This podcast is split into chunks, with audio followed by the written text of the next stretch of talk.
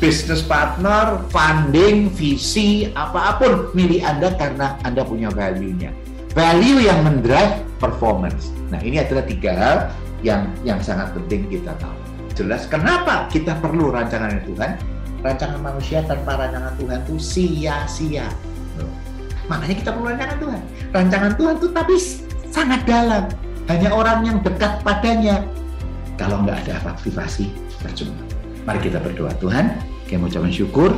Hari ini dialah Tuhan berkata-kata, Tuhan menyertai, dan Tuhan bungkus supaya kami bisa berjalan sesuai dengan kehendak. Going deeper, growing together, greater things ahead. Inspirasi Build to Bless di KBC Rise Podcast Special Edition. Sukses Sejati 2.0 Blended Learning. Hari Selasa 15 Maret 2022 pukul 19 waktu Indonesia Barat. Hanya di Rise Podcast Kingdom Business Community. We podcast with heart.